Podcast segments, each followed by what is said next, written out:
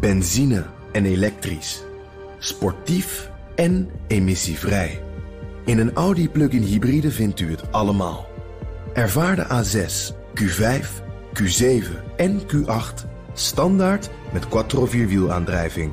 Wat u ook zoekt, u vindt het in een Audi. Audi. Voorsprong door techniek.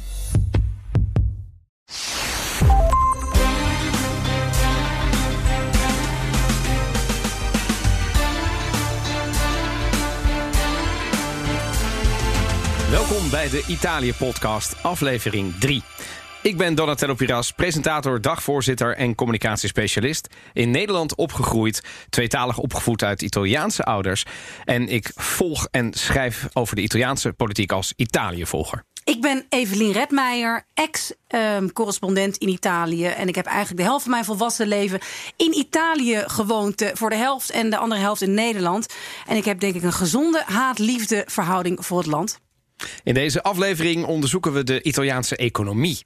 Aan de ene kant vaak verguisd door Noord-Europa, de Frugal Four, de markten, de rating agencies en natuurlijk ook sommige economen wegens de slechte staat en de weinige economische groei de afgelopen 15 jaar. Maar aan de andere kant is het wel de derde economie van Europa, de achtste in de wereld, met exportproducten die ongekend populair zijn. Vandaag onderzoeken we waarom het land stilstaat in de afgelopen decennia en hoe de economie überhaupt is opgebouwd. Dus wat doen de Italianen eigenlijk behalve het toerisme? We eindigen ook dit keer met een media- en cultuurtip. En ditmaal hebben we een tip van ruim een jaar geleden. En ook dit keer hebben we gekeken naar opvallend nieuws. Maar we beginnen met de wijn. En ditmaal heeft Evelien de wijn meegenomen, toch? Ja, ja, want ik dacht, kijk, het is natuurlijk heerlijk dat ik mij tot dusver heb laten verteren door jou. Maar ik dacht eigenlijk na twee keer, ja, het wordt ook wel een beetje, het wordt ook een beetje mensplenerig. Dat ik dan zo met zo'n beker zat van, oh nou, lekker. Ik En weet, ik, en ik maar praten. En jij maar praten en hoe het allemaal boeket goed. en zo. Dus ik heb mezelf opgeofferd en ik ben eh, helemaal in Umbrië deze wijn gaan halen. Echt letterlijk. Nou ja, ik ben dus net uit Italië teruggekomen. Dan zeg je, en je zat er toch al voor de mensen die denken: wat is dit voor snoepreis? ja, ja wat, wat BNR allemaal uitgeeft aan die podcast. Ja, Ongelooflijk. Kost me nog moeite gespaard. Maar ik bestel eh, mijn wijnen in Italië. Ook omdat het gewoon heel makkelijk is. Het Ja. wordt dan bezorgd thuis. En eh, ja, je hebt weer eens andere wijnen dan bij de, eh, nou ja, de grote Bij- bij grote- ik, ga, ik ging ze bijna noemen, maar dat mag natuurlijk niet. En het is toch wel heel bijzonder. Italië heeft natuurlijk eh, ontzettend veel ja, bijzondere druiven die niet zo bekend zijn. Dit, ik heb deze keer meegenomen een Orzalume. Dat is eigenlijk een blend van Grechetto en Sauvignon. Een wijn uit Umbrië. Ik heb hem gisteren... ehm, even kijken, ik ga hem dus nu... Ja. Ah, ja, dat is wel mooi. En ik, want, eh, ja, ik schenk hem dus eventjes voor hier. je in. Ja, dankjewel. Ehm, ik heb hem dus gisteren eh, gedronken bij Ik nou, proef even, ja? Zo'n 30, zeker. Zo'n 30 graden eh, onder de bomen. eh, met eh, nou, de importeur van deze wijn, die we dadelijk gaan, gaan spreken. Oh, leuk.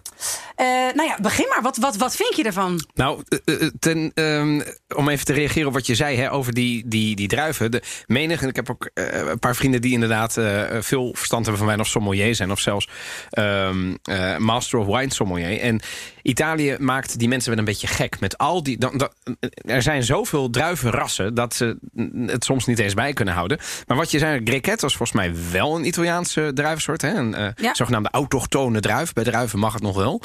Ehm, maar de Sauvignon is natuurlijk helemaal niet Italiaans. Dus deze wijnmaker ben ik wel geïnteresseerd in. Waarom heeft hij die combi gemaakt? Hij heeft de vlucht overleefd. Eh, moest uiteraard de druif. Vond ik nog best een beetje spannend. Want dat is ook even eh, zijn nieuwtjes. Italië heeft nu gezegd dat niemand meer ruim bagage in de vluchten bovenin mag zetten. Palle. Dus je moet Waar moet alles ik het dan inchecken. laten? Nee, je moet dus je koffertjes. Het mo- moet of onder je bij de stoel kunnen, of je moet het inchecken. Want En mijn laptop dan? Ja, je mag gewoon in een tasje. Dat Oh, mag, maar niet die koffers. Nee, oké. Ehm, maar daarom was het de wijn inchecken niet zo'n probleem. Want ik moest toch mijn koffertje inchecken. Het idee is om, ja, toch het eh, corona valt weer. We komen- ontkomen er natuurlijk Oh, niet ja, aan hoe, en wat, de, wat de status daarvan is. De coronabesmettingen zouden op die manier voorkomen kunnen worden. Omdat er geen gerommel en gedoe in het gangpad meer is. Nou ja, dat is het nu. Jongen, jongen. Nou, eh, die wijn, daar ga ik enorm van genieten. En ik ben eh, straks. Wie gaan we straks eh, spreken? Dorben Heersen. En hij heeft. nou ja, hij, Klinkt niet heel Italiaans, hè? Nee, nee, het is een Nederlander. Een half, half Nederlands, half Deen. En ja, die hebben daar een Arie Toerisme. Ook interessant om te horen hoe daar nu allemaal mee gaat. Want die hebben natuurlijk ook spannende tijden achter de rug. En eigenlijk nog steeds. Een Grechetto en een Sauvignon. Dat drinken wij vandaag in de Italië-podcast. Wij gaan door. Wat viel ons op? In het nieuws in de Italiaanse media. En dan kijk ik naar jou, Evelien. Wat is jou opgevallen in de media de afgelopen week? Nou, de afgelopen week, het is eigenlijk. Uh, uiteraard zijn er ook in Italië nu allerlei manieren. Hè, uh, potjes die worden aangeboord. Uh, er worden steunpakketten uitgedeeld. Ik weet niet, laat jij bij, op jouw dochtertje jouw grootouders wel eens oppassen? Uh, ja. Ja? Nou, je hebt dus nu een baby. zijn mijn ouders bedoel ja, ja, ja, ja, ja, Of sorry, haar grootouders en jouw ouders. Of uh, jouw schoonouders. Ja, ja, ja, Nou, er is een babysitterbonus nu voor uh, corona. en die kan ook door aan opa's en oma's worden betaald. Nonno-bonus, hè? Ja. Het, nonni en dat is dan, ik begreep het, misschien zelfs wel 1200, euro. per maand. Gigantisch bedrag.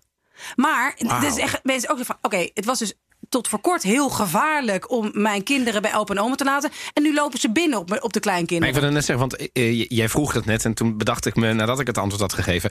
Dat hebben we al maanden niet gedaan. Uh, mijn dochter zeg maar bij opa en oma of bij nonno en nonna, uh, mijn ouders dan laten. Dat hebben we nog niet gedaan, sinds corona niet meer. Dus wij doen het niet, omdat we het niet durven. Dus, maar in Italië zijn ze het wel weer aan het doen, begrijp ik. ik weet niet, die is in ieder geval een economische impuls uh, die eraan... Ja, het is vrij, en nou ja, het is natuurlijk, wordt er ook wel een beetje qua uh, gezondheid en qua veiligheid wordt er verbaasd op gereageerd. Uh, en heeft ook meteen heeft de minister van Gezondheid heeft al gezegd: nee, nee, de, de veiligheid en, uh, staat voorop. En uiteraard moeten we zorgen dat de oudere Italianen beschermd zijn. maar ja, dit zijn nou eenmaal de regels. En er werd ook een beetje cynisch op gereageerd van: oh ja, en wanneer gaat de Italiaanse regering nou eens aan de jongeren denken. Want nu uh, gaat dit dus weer naar de, de nonnie. En dat is een ja, ja. En dat uh, over de Italiaanse regering en denken aan de jongeren. Die hebben we wel vaker gehoord, hè, dat die vergeten worden een beetje. Uh, ja, wat, wat mij uh, op is gevallen in het nieuws zijn eigenlijk twee kleine dingen. Ik Jij heb, dacht, Evelien neemt de wijn mee. Dan, dan, sla ik wel terug met twee nieuwtjes. Ja, ja. ja. Oh, nee, nou, okay. ik kon okay. niet kiezen. En ik, het zo, ik had al gekozen, want ik vind het een. Ik heb een artikel gelezen in La Repubblica. Het is eigenlijk het coverartikel van een paar dagen terug.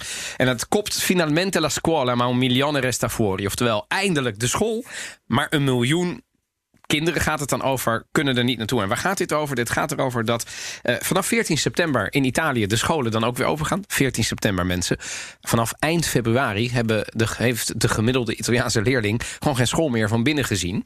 En 14 september, dan begint het pas. En daar hebben we het nu over. Dus het debat is daar in volle gang. Um, en um, ja, er zijn natuurlijk al een heleboel regels. Hè, dus ik heb eens eventjes gekeken naar binnen. Ze hebben er een mooie infographic van gemaakt. Ze krijgen wel een miljard meer om te investeren. Dus er moeten meteen 50.000 mensen worden aangenomen. En de afstand moet dan 1 meter van Bocca a bocca zijn. Hè? Dus van mond tot mond. Moeten die, dus het gaat niet zozeer over tafel tot tafel. Nee, van mond tot mond. Kunnen ze er meer uh, plaatsen. Um, en uh, maskertjes, ja, daar hebben ze nog geen besluit over genomen. Dat vond ik wel goed. Zij zeggen dat zelf ook.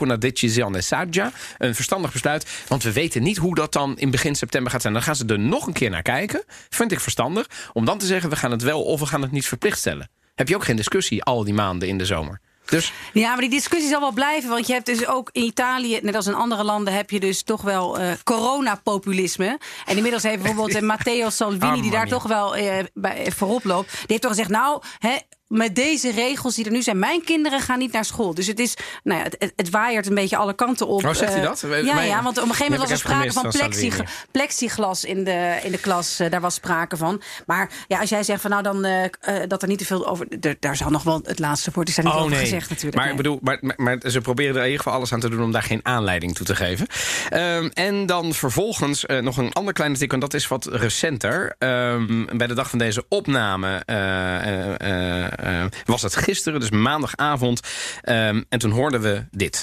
Avanza nel piano. Il suo si ritira, disgustato, stanco, da uniforme. Ja. En wat horen we dan? Um, gisteravond op de monumentale begraafplaats van Bergamo was de COVID-19 herdenking om alle doden van Bergamo uh, te herdenken. En Bergamo is natuurlijk de stad Bergamo, maar de provincie Bergamo heeft meer dan 300, uit mijn hoofd 324, maar kan het mis hebben, gemeenten.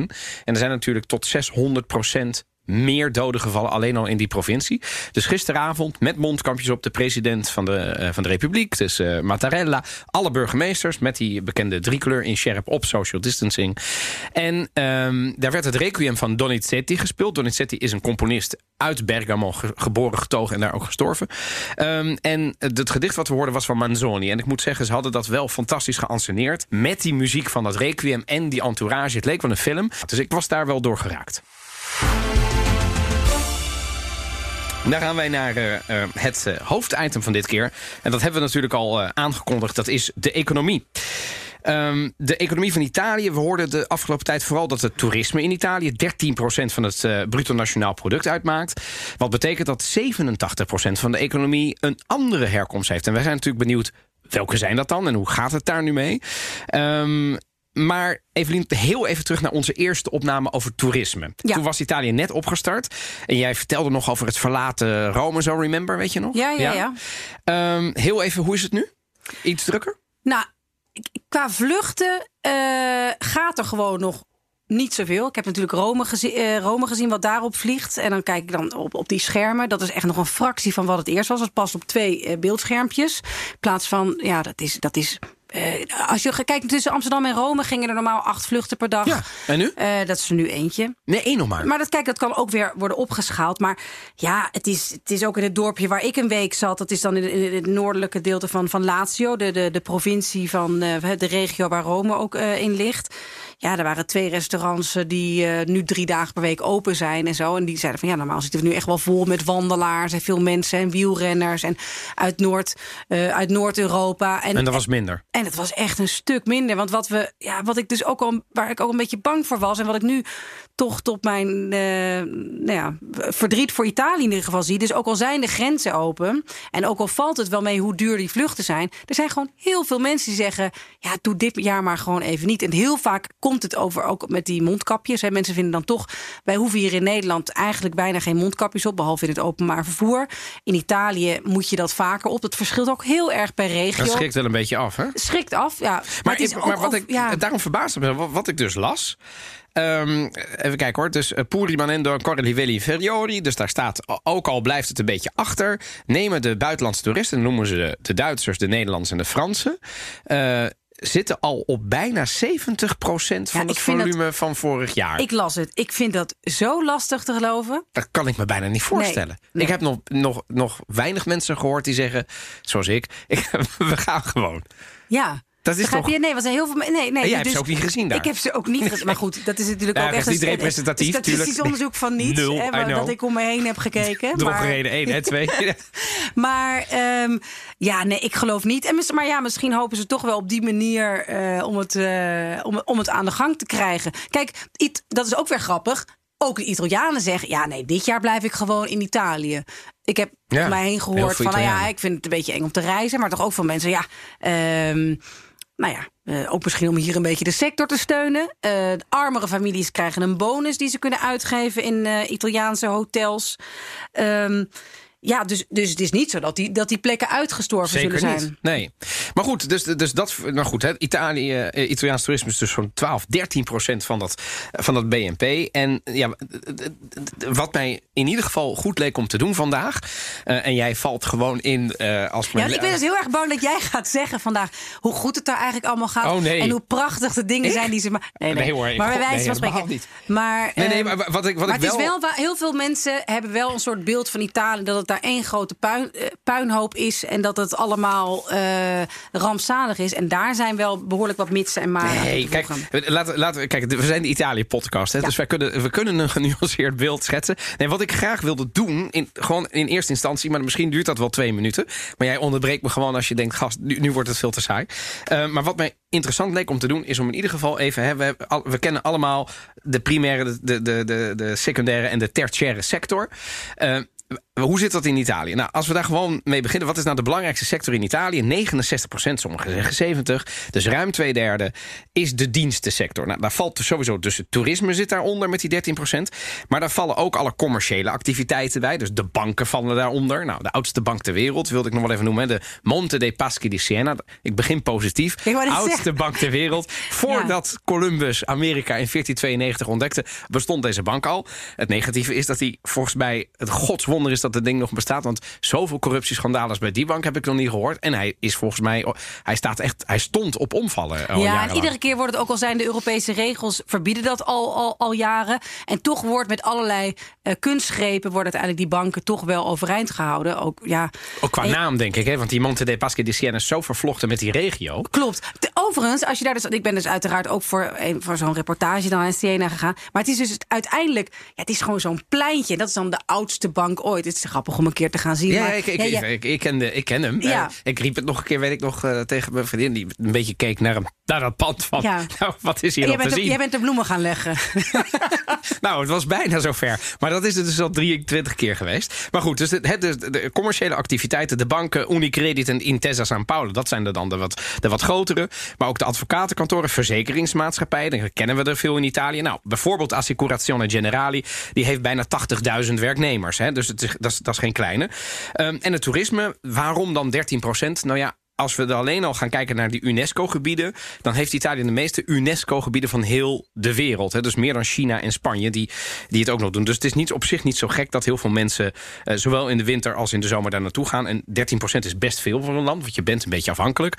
Maar dat snappen we dan. Nou, wat ik nog interessanter vind, is daar hebben we het namelijk best wel vaak over, over dat toerisme. De Italiaanse... En belangrijk bij het toerisme is om te werken dat het een van de weinige sectoren is die de afgelopen jaren ja, groeide. Waar de economie in Italië de afgelopen jaren qua ah, groei best wel op andere landen achterbleef. Waar die eigenlijk na de crisis in 2008 wel weer uit het dal zijn gekropen. Uh, blijft uh, in Italië die groei uit, uh, grotendeels. Maar is eigenlijk Zeker. de toeristische sector gaat goed. En vooral juist een beetje nieuwe regio's als Sardinië, Sicilië, Puglia, Puglia Campania nieuwe regio's voor buitenlandse toeristen. Laten we dat la, inderdaad. Italiaan niet uit te leggen waar, waar uh, Sardinië ligt. Pas op, hè, eh, even ja, ja. sinds wij deze Italië-podcast maken, ja. worden, worden we goed beluisterd, maar zeker ook kritisch gevolgd. Ik heb nu een geheim nummer. Ja. maar het dus als wij zeggen de nieuwe regio's, dan krijgen we natuurlijk nu van mensen die al 30 jaar reizen aanbieden naar bijvoorbeeld de marken van hoe kun je dat nou Precies. zeggen? Wij bedoelen ik, ik daarmee. Ik zeg nu al eigenlijk gewoon sorry voor alles. ja, maar ik, ik, ik, en wat, ik, wat mij ook opvalt is bij het toerisme zie je ook wel heel veel green. Hè? Het, het, het, het turismo green. Ja. Noemen ze dat in Italië? Het is het zogenaamde sustainable nee, noemen tourism. Ze green. Green, uh, il turismo ja. green. Uh, sostenibile. Um, dat komt ook wel heel erg op. En zelfs internationale campings aan het Gardameer. Um, onder andere een camping waar ik ooit voor gewerkt heb. Die hebben tot het scheiden van afval bij iedere ieder, hoe noem je dat? Ieder huisje wat ze verhuren, dat zijn er honderden. Dus daar doen ze best wel. Um, ze hebben een eigen vuilniswagen geregeld en zo. Dus ze doen echt wel uh, steeds meer hun best om dat te doen. Maar dan nu even naar de industrie, de harde industrie. 29 procent, sommigen zeggen wel meer. Dan hebben we het over metaalbewerking, farmaceutische industrie, uh, defensie. Um, en, en, en, en waar hebben we het dan over? Nou kijk, de meeste mensen kennen natuurlijk die auto-industrie in Italië. Nou, die auto-industrie, dat klopt wel. Um, maar als we heel eerlijk zijn, uh, Fiat Chrysler Automotive is natuurlijk heel groot. Fiat is heel groot, met name in de jaren 90 en daarvoor. Op dit moment is Italië um, van alle wereldlanden staan ze nog steeds in de top 20, op de 20ste plek. Maar het is natuurlijk niet het topland qua autoproductie. Maar goed, ze doen, ze doen mee, hè, 20, 20ste plek. Uh, Minardi, Piaggio, Vespa, nou, daar werken best wel wat mensen. Wat wel heel groot is, bijvoorbeeld scheepswerven zoals Fincantieri. Die maken veerboten, die maken marineschepen, die maken cruiseschepen. Die staan echt aan de top van de wereld en die hebben echt, echt heel veel mensen. Olie en gas, Eni, Ajib, NL, uh, die hebben bij elkaar volgens mij meer dan 100.000 man alleen al over de hele wereld werken. En natuurlijk de elektronica. Italië maakt volgens mij uh, heel veel koelkasten en... Uh, hoe noem je die andere dingen? Wasmachines. dat, die, die twee dingen, dan denken we altijd aan Duitsland. Dat klopt ook. Die maken zeer degelijke producten. Italië doet een beetje mee. Maar de zesde producent bijvoorbeeld van die koelkasten ter wereld... dan hebben we het over dingen zoals Indesit, Saeco. En um, wat ook heel goed doet, is natuurlijk textielkleding... Uh, de kledingindustrie. Benetton, Armani, Luxottica, Tots. En tot slot agrofood. Dus nou ja, dan, dan kan ik er 3 miljoen op noemen. Maar dan heb ik het over de Barilla's, de Campari's, de Illy's, Perfetti van Melle enzovoort van deze wereld. En 2% tot slot voor de rekenaars is dan over voor de landbouw. En dan denk ik, wat is die landbouw? Nou, bijvoorbeeld alle appels die hier bij de Lidl Maar is wijn dan landbouw? Nee. Ja, Dus- ja, dat valt er dus ook nog onder. Dus Dat het vind ik is, weinig. Nou ja, het is dus qua percentage in dat hele ding is niet veel. Maar het gaat over miljarden inmiddels. Want Mhm. Ja. Italië is het grootste wijnproducerende land ter wereld. Niet alleen hebben ze de meeste eh, gekke druivenrassen... maar ze hebben ook de meeste wijn. Zegt overigens niet dat dat de beste is. Hè, want je kunt maar een heel klein beetje wijn hebben en heel goed zijn. Maar eh, nou ja, dus dat. Maar dat is dus een beetje de verhouding tussen die verschillende dingen. En wat ik dan, ehm, ehm, eh, wat mij dan een beetje opvalt is, eh, hoe zit dat dan met Nederland? Hè? Want ehm, zijn wij nou een, be- een beetje een belangrijk, wij Nederland, zijn wij nou een, beetje een belangrijk handelsland voor Italië? Volgens mij is dat wel zo. Voor Italië. Ja. Ja, eh, eh, we hebben een hele goede handelsband met Italië. Als ik de staatjes erop nalees, dan eh, moet ik even goed, dan moet ik er even bijpakken nu. Paesi Bassi, daar zijn we, partner van Italië. Export, ja, wij, wij, wij Nederlanders importeren meer uit Italië dan, dan, dan exporteren. Maar we zijn het 1, 2, 3, 4, 5, 6, eh, op de achtste plek voor de Italianen. Voor de zesde plek voor de Nederlanders, geloof ik. Dus wij doen het wel met elkaar als het over handel gaat.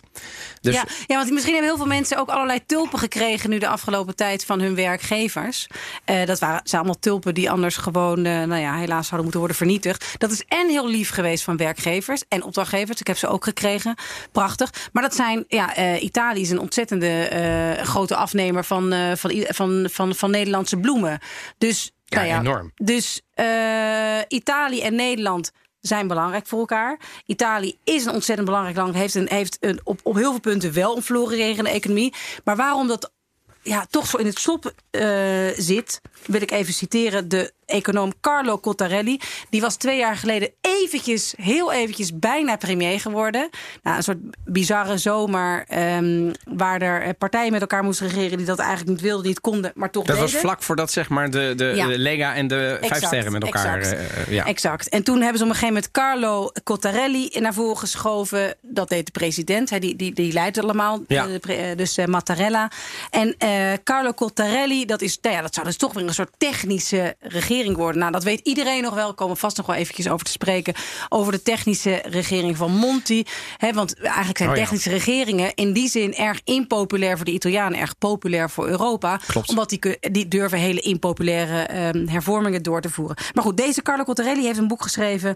eh, waar hij het heeft over de zeven dodelijke zonden van de Italiaanse economie.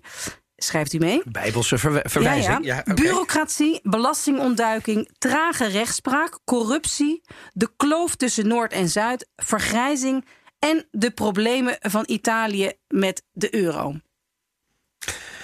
Nou, ik zou ze allemaal eh, direct kunnen onderschrijven. Wat was de eerste ook alweer? Bureaucratie, toch? Bureaucratie, ja. Nou ja, eh, als ik jou gewoon recht in de ogen aankijk, Evelien. Ja. Heb je daar ooit iets van gemerkt in Italië? Uiteraard. Ja, nee, het is, bedoel, het is, je- is, het dit, gekmakend. Ja, het is, dit, dit is gekmakend af en toe. En eh, ook mensen die daar echt be- bedrijven hebben. Ja, hoeveel tijd allerlei, allerlei dingen kosten. En ik weet ook mensen die met Italianen, eh, met bedrijven daar hebben, hebben ge- samengewerkt. En het lijkt een detail, maar die trage rechtspraak, dat vooral die civiele rechtspraak, hè, dus niet eh, strafrecht, maar dus dat je van de ene partij eh, iets van de andere partij moet, dat kan zo ontzettend lang duren dat mensen vaak eigenlijk, nou ja, dat zo'n rechtszaak jou overleeft. En dus, dat verhoogt de drempel. Want dan Ja. ga je dus niet meer. Dan Exact. sue je dus iemand niet meer. Nee. En dan kun je zeggen, nou, dat is goed. Dat is helemaal niet goed. Nee. dat, dat verhoogt vreselijk de drempel voor de rechtsgang. En dat is voor een, voor een democratische rechtsstaat natuurlijk verschrikkelijk. En wat Maar volgens het mij... geeft ook een soort ondernemingsrisico wat gigantisch is. Dat op een gegeven moment als jij je gelijk hebt, maar dat pas Precies. over weet ik hoeveel jaar krijgt, ja, dan, dan, dan denk je wel twee Dat is keer heel na. demotiverend voor een ondernemer, een start-up bijvoorbeeld, die, die denkt van nou, ik heb iets bedacht en ik wil het heel graag vermarkten. Ja, Italië is in Europa niet het beste land. eh, be- en dat bewijzen alle Italianen die inmiddels in Londen werken, of in Genève, of in Amsterdam, of waar, eh, wherever.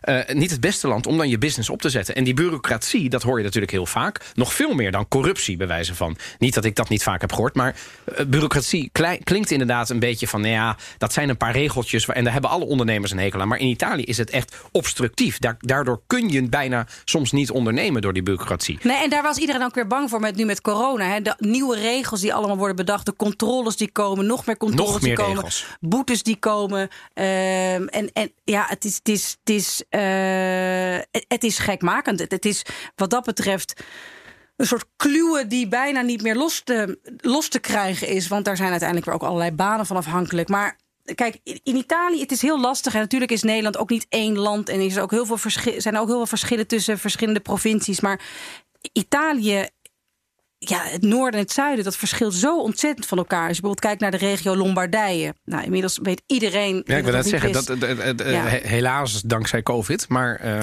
maar dat is een van de rijkste van Europa qua regio. Het echt te vergelijken met Beieren Zeker, in Duitsland. Maar als je dan bijvoorbeeld kijkt naar Calabrië. Daar wordt ongeveer, nee, dat is de helft wat daar gemiddeld verdiend wordt. Ja, dus, kijk naar Sardinië. Nou ja, dus dat zijn zulke, dat zijn zulke gigantische verschillen dat het bijna. Nou ja, het lijkt me ook heel ingewikkeld om uh, Italië te regeren als, als één land. Dat land heeft natuurlijk enorm veel tegenstellingen. En wij zoeken af en toe een beetje naar die ziel. Ja, is die ziel. Kijk, ik denk dat um, een, een, een bedrijf wat wel voor heel Italië iets betekend heeft, is bijvoorbeeld een Fiat vroeger omdat ze gemaakt werden in het zuiden. En in het noorden natuurlijk bedacht. Um, en iedereen had een beetje werkgelegenheid. Maar volgens mij zijn dat soort werkgevers op dit moment... die zijn er bijna niet meer. En dan um, uh, dus de samenhang, uh, het is een beetje ieder voor zich en God voor ons allen in Italië. Uh, en als je regio het goed doet, Lombardije, Emilia-Romagna, Veneto, Piemonte, Alto Adige zeker ook, ja, dan gaat het wel goed. Um, als het een beetje middelmatig gaat, ja, dan klagen ze ook. Als het echt slecht gaat, ja, dan hoor je ze zeker. En het zuiden gaat gewoon een stuk slechter.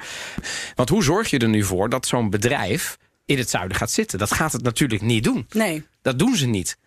En, dat, dat probleem tussen Noord en Zuid is natuurlijk niet iets van de afgelopen twintig jaar. Dat was het al heel lang. Maar het is niet beter geworden, heb ik de indruk, de afgelopen nou, jaren. wat ook niet het probleem is van de afgelopen twintig jaar, van de afgelopen jaren. Inmiddels is dat ook ons probleem geworden, hè, de gigantische staatsschuld die Italië heeft. Maar dat is uiteindelijk toch een erfenis, vooral van nou, echt, echt jaren terug, de jaren tachtig. Als je kijkt dat uh, de, deze staatsschuld die steeg van 55% in 1981 ik heb ook nummers, cijfers heel goed, heel goed, ja, ja, ja, love it. Van 55% in 1981 tot 121% in 1994. Maar er zijn toen allemaal zulke... Wacht, welk jaar zijn je nu? 1994. Dat is het jaar dat Berlusconi aan de macht komt. En de vraag is natuurlijk, is het vanaf toen beter geworden? Nou ja, ja, ja.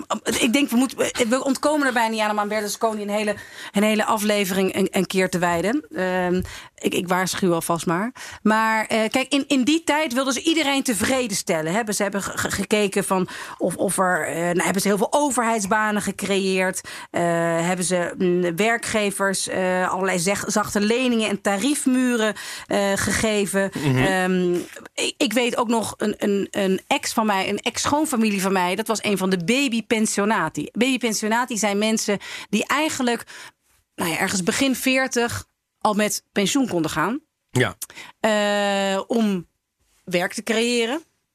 Want nou ja, je geeft een plek op. Maar ja, goed, je moet wel tot in de. Het is wel erg korte termijn denken. En om gewoon te kiezen om bij de kinderen te, te kunnen zijn. Maar er zijn ja. echt schijnwerk. Dus ze hebben, dat heet de babypensionaat. Ja, ja, wat, wat, een, uh, wat een, uh, dat hebben ze ook weer afgeschaft, hè, die babypensioen. Die bestaan er niet meer. Maar die, maar die mensen die nog leven, die krijgen natuurlijk, nog steeds de babypensioen. Dus dat heeft maar een paar jaar bestaan relatief. Dat is echt iets van de, van de jaren tachtig. Ja. Maar uh, mijn ex-schoonmoeder, die krijgt nog steeds die heeft veel meer aan pensioen gekregen dan ze ooit heeft verdiend.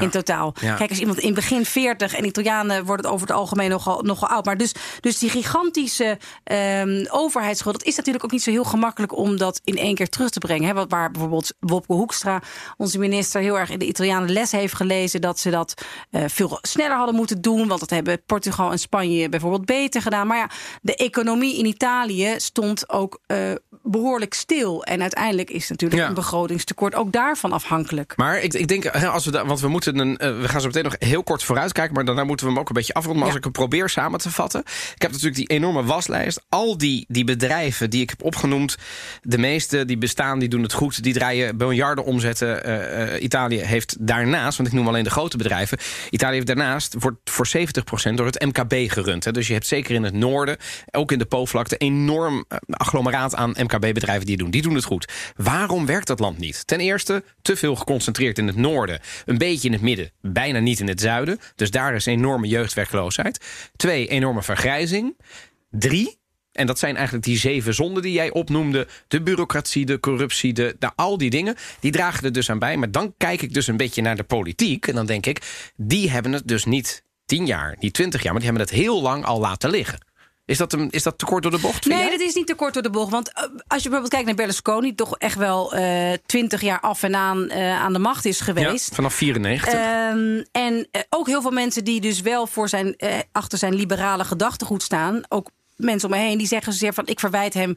Nou ja, goed, eh, allerlei boonga boonga feestjes. Uiteraard, die zijn er ook geweest. Maar het is vooral dat hij de kans heeft gehad om iets te doen. En hij heeft het niet gedaan. Nee. Hij heeft vooral aan eh, wetten voor zichzelf Ja, eh, gedacht. Zelf zegt hij daarover: Ik heb die kans nooit echt gekregen, want ze hebben me het beregeren volstrekt onmogelijk gemaakt. Ja, nou ja. Eh, Maar goed, daar, nogmaals, die thema-uitzending over Berlusconi... Die, Ja, die kunnen komt we, eraan, hè? die Ja, we kunnen er wel vullen. Eh, maar, maar, maar dus de politiek heeft... eh, ja, die moeten er echt iets aan doen. En alle Italianen klagen altijd over de politiek. Ja. Ehm, nu is er weer iets anders. Conte is namelijk de afgelopen tijd bezig geweest... met de zogenaamde Stati Generali. Het klinkt een beetje als Staten-Generaal in het Nederlands. Ik vind het heel pompeus klinken. Die Stati Generali. Ja, ik, Ja. Maar het is- het is een soort- Amerikaans vind ik het bijna. eh, ja, State of the Union. Ja, ik begrijp dat het is een rondgang. En is hij probeert. ehm, Nou, we hebben er even een fragmentje van. We gaan even naar luisteren. Chilometro da fare a piedi nel parco attraversando Villa Panfili per arrivare al casino Bel Respiro, la villa dove Giuseppe Conte ha convocato gli stati generali. A me dispiace molto, e lo dico francamente, che l'opposizione non abbia raccolto questo invito. Stati generali stanno facendo tutto. Se ci fosse qualche aperitivo in villa in meno e qualche visita a una fabbrica, un'azienda artigiana in più, sicuramente non farebbe male. Ja, je hoorde premier Conte, die overigens weer in de clinch lag met de oppositie. Want hij heeft iedereen uitgenodigd. De vakbonden, de werkgevers, echt iedereen. De ziekenhuizen, de normale burgers, de, de, de jongeren, de studenten, de wetenschappers. En natuurlijk ook de oppositie. En die oppositie heeft natuurlijk gezegd... Gaan we niet doen, eh, vriend. We hebben wel wat anders te doen. En nou, wat hij hier verwijt hij dan de oppositie, lezen Salvini. Als jullie wat minder aperitiefjes deden en gewoon wat meer eh, eh, bij ons aan tafel waren gekomen, dan, dan waren we er misschien met jullie ook uitgekomen. Nou, anyway. ehm, hij wil heel graag, heb ik begrepen, Conte een nieuwe start maken. Dus na COVID, wat ik denk, ehm, even los van wat je van de politici vindt... maar ik denk dat deze coronacrisis heel Italië heeft opgezet. En de politici, je zal maar Conte zijn. Vier jaar geleden, wat zeg ik, drie jaar geleden... stond deze man gewoon nog universitaire lezingen te geven. Dat was ja, ook niet en had hij makkelijk. een vo- volledig opgeklopt cv van 20 kantjes. Waar toen wat mensen over zijn gaan bellen. Want hij had gestudeerd aan Harvard. Harvard, ja. Nou, hij bleek daar gewoon één keer een bibliotheekpas te hebben opgehaald, geloof ik. Beetje Maar- window dressing, Ja, ja, ja. ja. het was, dus, was enigszins. eh, ja. Maar goed, hij, weet je, hij was universitair docent. Dat was hij wel echt, UD. En, ehm, Maar vriend en vijand heeft hij toch wel Ik wil verbaasd positief. en deze man kreeg ineens de heftigste crisis van het naoorlogse Italië ongeveer. En wat ik opvallend vind, is dat hij 60% van de Italianen achter zich heeft. En die eigenlijk verwachten. Oké, dat ik is weet niet hopen, of, maar in ieder geval verwachten dat deze Wacht heb je het nu over de steun van de Italianen aankomt? Ja, aan Conte. 60% dus heb ik dus Vind ik heel flink. hoog. Vind Ja. ik flink. En dat zij eigenlijk verwachten dat hij als premier eh, met, eh, met deze regering, met aan de ene kant de Vijf Sterrenbeweging en eh, aan de andere kant de Partito Democratico, hè, dus de Italiaanse PvdA, waarvan eigenlijk ja, waar werd gedacht, nou, dat is een soort, soort lijmregering, zoals wat die wel vaker in Italië zijn. En we gaan binnenkort wel weer stemmen. En Salvini is te machtig. En het is alleen het enige wat ze bij elkaar houdt, is dat Salvini niet aan de macht komt. Ja, en toen kwam COVID en heeft hij zich toch wel. Ja, goed, goed kunnen profileren. En ik denk wel dat het belangrijk is dat hier ook iets uitkomt. En dat het niet iets is van loze beloften. Want het is wel zo, hij heeft al vaker beloftes gedaan. Die 600 euro, hè, dat zou twee keer worden uitge... eh, Ik weet... eh, We hebben het over de, de, de, de, De- de, de, coronasteun hè, de coronasteun. Die hebben mensen één keer gekregen. Die tweede keer, daar, heeft hij al echt, daar zei je een maand geleden al van... nee, het is echt... Het is nou, onderweg. Het is onderweg. Nee, echt. Ik check nu je app en hij staat erop. Nou, dat, dat is echt alweer een tijd geleden. Dus, maar ja, Daar hij gaan we heeft, weer, de Italiaanse bureaucratie. Want het- uiteindelijk komt het wel. Hè? Maar ik denk Maar- vooral dat, dat, me- dat we gaan kijken. Want uiteindelijk is, wordt het heel spannend in hoeverre Europa eh, steun gaat geven. En of eh Conte en zijn regering in deze, dit verhaal een vuist weten te maken. En nou ja, de buit binnenhalen. Of in ieder geval dat weten te verkopen. Alsof ze de buit hebben binnenhalen. Ja, dat is toch altijd wel iets anders. Eh, Ik denk dat dat wel toch voor de, voor de politieke toekomst van Conte belangrijk gaat worden. Wij sluiten het eh, blokje economie hiermee af. We gaan zo meteen naar de media en de cultuurtip. Maar voordat we dat gaan doen, zijn we heel erg benieuwd naar de heerlijke wijn die we deze opname doen. En eh, daar spreken we mee met de wijnmaker himself, met Torben. Hoi.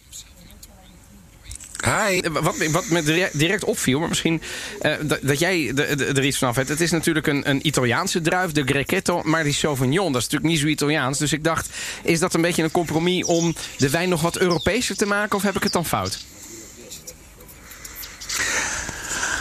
Nee, dat heb je zeker niet fout. Ehm, Sauvignon is een veelgebruikte druif hier, omdat de Greghetto zelf een vrij droge en ook wel hard genoemde druif is. Ah. En daarom wordt hij eigenlijk vaak in een, in een- wordt hij in een blend gebruikt. Ja. Waar zou je dit bij eh, schenken? Ehm, nou, dan moet ik even heel kort uit de doeken doen dat ik dus ben dus een, eh, een, een Italiaans sommelier. Dus ik heb een driejarige opleiding gedaan hier aan de AIS. Dat is de Associazione Italiana Sommelier. Wauw. En mijn dochters moeten altijd. Mijn, mijn dochters moeten altijd heel erg lachen als ik het woord associazione uitspreek. Want ik ben natuurlijk een seizoenkaarthouder van de eh Curva Sud van de Associazione Sportiva AS Roma. en mijn associazione is, eh, de, de, dat durf ik niet. Maar ze zijn nu al naar bed, dus ik durf het nu uit te spreken. Associazione. Ja, ja. Wat een woord. Grazie, ja, dank, je- ja, dankjewel. Associazione. En ehm, ik heb het hier opgeschreven, dan kan ik het zo opdreunen. maar, eh, eh, en, en het laatste jaar van, van die opleiding is eigenlijk puur gericht op het abbinamento. Dus dat betekent wat drink je eh, bij welk eten. Ehm, en, en daar is de Ortsaloem is een heel speciaal geval, omdat het een hele droge wijn is. Acht maanden houtrijping, heel vol. En dus moet je daar ook iets bij eten wat ook heel veel body heeft. En daarom heb ik Evelien gisteren inderdaad eh, eh, wat kip erbij laten eten. Maar wel een kip gekruid uit de creusetpan lang. Met, veel, en met veel kruiden. Ik ga meteen aan de slag. Ehm, maar daarna ook. ja, en daarna ook gerookte zalm. Gerookte zalm Ja, of zeevis. eh eh, goede zoute zeevis is fantastisch hierbij. ja, want hij heeft ook een beetje dat boterige. Dus hij kan heel goed vet hebben. Jij bent natuurlijk, jullie zijn gewoon ondernemers in Italië. Jullie hebben natuurlijk spannende maanden achter de rug. Wij zien de hoop in Italië gewoon terugvloeien. Wij zien dat iedereen is klaar voor toerisme. We zien de mensen ontspannen. Eh, eh, en wij zijn vanaf aanstaande zaterdag eigenlijk gewoon weer bezet. We zitten op 70% Maar wij weten gewoon dat wij eh, in, het, in het voorjaar hadden wij maart en april en mei hadden wij twee huwelijken, een yogaweek en allerlei eh, eh, cursussen hier. En dat is allemaal afgelast. En dan kan je gewoon tellen. En dat is eh, gewoon een schade van eh 30.000 euro. Hop. Ja. Nou ja, ik ga jullie heel veel succes wensen, Thor. De, de, het komende seizoen in ieder geval. Ehm, en ik hoop dat het met de, de wijn export... en voor ons dan de import heel erg goed komt. en ik ga genieten van deze wijn. Ha le mani da re, dovrebbe portare un anello. È lui, è la sua scorta. Io vorrei abitare nel suo cervello.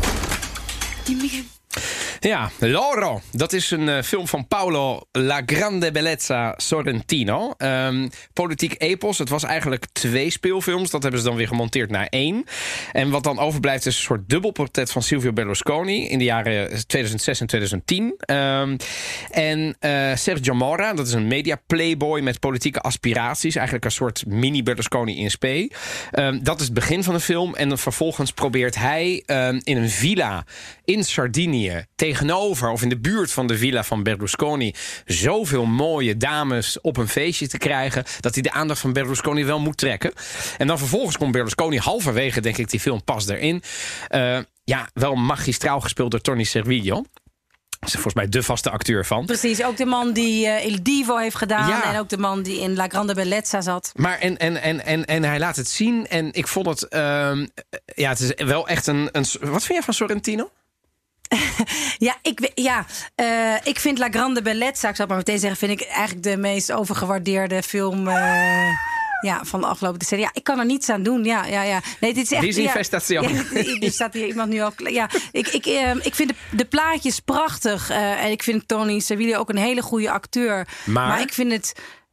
Eh, het, Het raakt niet. Het, het raakt me niet. Eh, ik vind de overdaad bijna storend. Op een gegeven moment kijk ik naar het zoveelste feestje... waar mensen op een dak in een, in een Polonaise achter elkaar lopen... met heel veel goud, heel veel botox, heel veel facelifts. En Ja. dan weet ik het wel. Het is op een gegeven moment En, wel eh, repulsive, vind ik, om te zien. Ja. Ehm, maar dat is wel interessant. Dus het is goed dat je het zegt. want We hebben dus nu iemand die een, een, heel veel kritisch kijkt naar de Sorrentino-films. Ik ben, eh, ik ben geen fan, maar ik ben wel een, eh, een bewonderaar. Want ik vind dat hij het fantastisch filmisch in beeld brengt. Ja. En daardoor, omdat het zo mooi is om naar te kijken, komt het trieste gevoel van wat je nou eigenlijk aan het aanschouwen bent pas veel later. Maar als het indaalt en dat je denkt, wat heeft deze man, wat is die nou toch allemaal aan het doen? Dan komt dat keihard binnen. Ja, want dat is wel een beetje ook met deze Loro. Want jij heb- hebt Loro, ik, eh, ik, heb hem, gezien. ik heb hem gezien en ik Ja. heb hem gisteren opnieuw gezien. Ja. Eh, en het is dus vooral het eerste uur is het gewoon een aaneenschakeling van. Nou ja, prachtige eh, jonge meisjes die topless eh, aan, zwembaden dansen. Eh, cocaïne wordt van elkaars billen gesnoven. En het gaat dus eigenlijk Loro, dat betekent zij. Zij, En het is ja. eigenlijk. En Louis, dat is hij. En Louis is Berlusconi. En iedereen doet alles eraan om maar in de buurt te komen van de buurt van Berlusconi. En dat Maar is ook wel echt, hè? Dat Ja. is inderdaad eh, ook echt. En, en dat is wel mooi gemaakt in die film. Eigenlijk zie je al 50 minuten, bijna een uur zit je te wachten. Tot je, wanneer zie je nou eindelijk Berlusconi is? Ja. En dan heb je al eindeloos veel feestjes gehad en cocaïne, MDMA en allerlei. Ja. eh, iedereen naakt gezien en de meest, meest nou ja, de, de, de bordeelachtige vent gezien. ja, precies. En dan op een gegeven moment zie je hem. En dat is toch. Ja, ja dat, heeft, dat is wel. eh, Je snakt op een gegeven moment naar. Dat, Nou, jij wil ja. ook in zijn buurt Maar komen. je krijgt hem dan ook. En ik bedoel, laat ik één scène noemen die mij. De twee scènes noemen die we zijn bijgebleven. Heel kort tot slot. Dat is de scène eh, waarin hij op een gegeven moment met zijn hand even ruikt naar zijn adem. Eh, en dat staat me nog bij in het echte leven. dat een van de Weline, de modellen waarmee hij naar bed is gegaan, heeft gezegd: Oh, maar hij is echt een gentleman. Hij is iemand die met een pepermuntje onder zijn tong in slaap valt. En hij slaapt sowieso maar vier uur per nacht. Het is echt een soort. Kortom, die, die hemelde hem op als een soort halfgod. En, en de, die geste in die film vond ik wel heel mooi. Omdat hij dus zo ijdel is dat hij de hele tijd bezig is met hoe hij overkomt. En dan vind ik het mooi dat in ieder geval de regisseur er dit keer voor gekozen heeft. om dan juist een van die meisjes waar hij. Dus het is dit keer niet het meisje wat hem. Maar het is juist het meisje wat wegloopt. En dat trekt hij niet. Dus hij gaat haar achterna in haar kamertje. Want zij slapen allemaal op zijn villa op Sardinië. En dan gaat hij er naartoe. En dan gaat hij op haar bed zitten. En dan zegt ze op een gegeven moment. Ja. Je, je adem. Ja, het is niet vies. Het is ook niet heel erg lekker. Het is een beetje naar de adem van mijn opa. En, en dan zie je gewoon dat die opmerking binnenkomt. Want hij wil natuurlijk, ondanks het feit dat Alles hij daar... behalve oud worden. Alles Echt, behalve, ja. alles behalve. En zij, dat vind ik een hele mooie scène, want zij, zij, zij analyseert hem perfect. En dat je je schoenen uittrekt en hier in kleermakers zit, op mijn bed komt zitten. Alsof je een heel jong iemand bent. Maar dat ben je niet. Het is heel erg zielig dat je dit doet. Nou, eh, dat, dat, dat was wel een scène die me enorm eh, is bijgebleven. Ja, het is ook wel echt een fascinerende film. Want het is net in ieder geval een fascinerend gedeelte van de, van de eh, hedendaagse Italiaanse geschiedenis. Berlusconi die zo machtig is, zo'n succesvolle zakenman, zo'n eh, nou ja, succesvol politicus, eindeloos premier van Italië geweest. En toch eh, zijn zwakte, en zijn angst om ouder te worden, wat het ook is, eh, zijn verveling. eh, nou ja, die heeft op een gegeven moment een soort entourage van mannen die daarom weer omhe- omheen weer vrouwen regelden. Dat heeft tot echt de meest bizarre taferelen geleid. Het is, het, is, het, is bij, het is bijna alsof wij er een keer een thema-uitzending aan zouden moeten Ik wijden. vrees dat het wel zo is, ja. Ik, eh, ik ben namelijk ook bij een van de Berlusconi-processen geweest... waar dan een van zijn eh, dames moest getuigen. De Boonga Boonga Ja, Party. ja, maar dit, ik ga hier een cliffhanger van maken. Want, we, eh, we, we gaan hierop terugkomen. Ja, we gaan hierop terugkomen. We gaan hierop terugkomen. Maar het is uiteindelijk, ik vind hem, ik vind Loro, het duurt lang, maar het is alleen al voor de beelden en voor die geweldige Servilo. En het is toch wel heel fijn. Die Servier, eh, die kan ja. acteren, jongens. Ja, ja, ja. Ja, ja. ervan genieten. Ehm, ik ga de luisteraars bedanken, want dit was alweer aflevering 3 van de podcast. Blijf vooral luisteren, blijf reageren met tips, met suggesties. En natuurlijk genieten we ook van alle complimenten. En vooral spread the word naar iedereen die deze Italië-podcast nog niet kent. En de volgende keer, Evelien, spreken we over... Ja, dan gaan we het hebben over La Casta, oftewel de kast. En dat is eigenlijk een beetje geïnspireerd op Loro. Ik dacht van ja, we moeten het daar eigenlijk maar gewoon eens over hebben. Want er gaan natuurlijk de meest wilde verhalen rond over eh, de Italiaanse politieke Die gewoon met allerlei de Le Blue, de blauwe auto's waar ze in rondrijden. Eh, het is het symbool van privileges. En de reden dat in het Europees Parlement alle salaris van alle landen zo ver omhoog moesten om te matchen met de Italiaanse salarissen. Maar goed, deze kasten was uiteindelijk ook de reden van oprichting van de Vijf Sterrenbeweging. Nu inmiddels toch een gevestigde politieke partij. En die zouden salarissen inleveren en die zouden einde maken aan de privileges van deze kasten. En al aan al die gouden pensioenen, zoals in Italië Nou ja, en nu zijn ze eigenlijk zelf ook onderdeel van die kasten. Kortom, genoeg om over te praten de volgende keer. Gaan we doen. Wil je nog meer afleveringen van de Italië-podcast luisteren? Dan vind je ons in de BNR-app of in je favoriete podcastplayer. Bedankt en tot de volgende keer. Ciao, ciao. Ciao!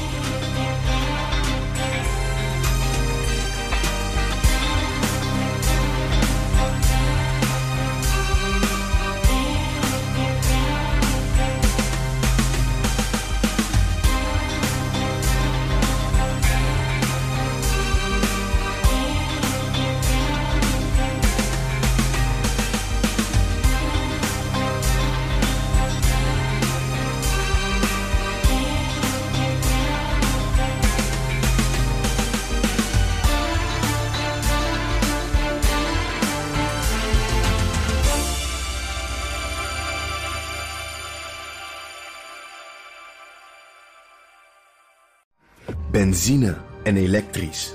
Sportief en emissievrij.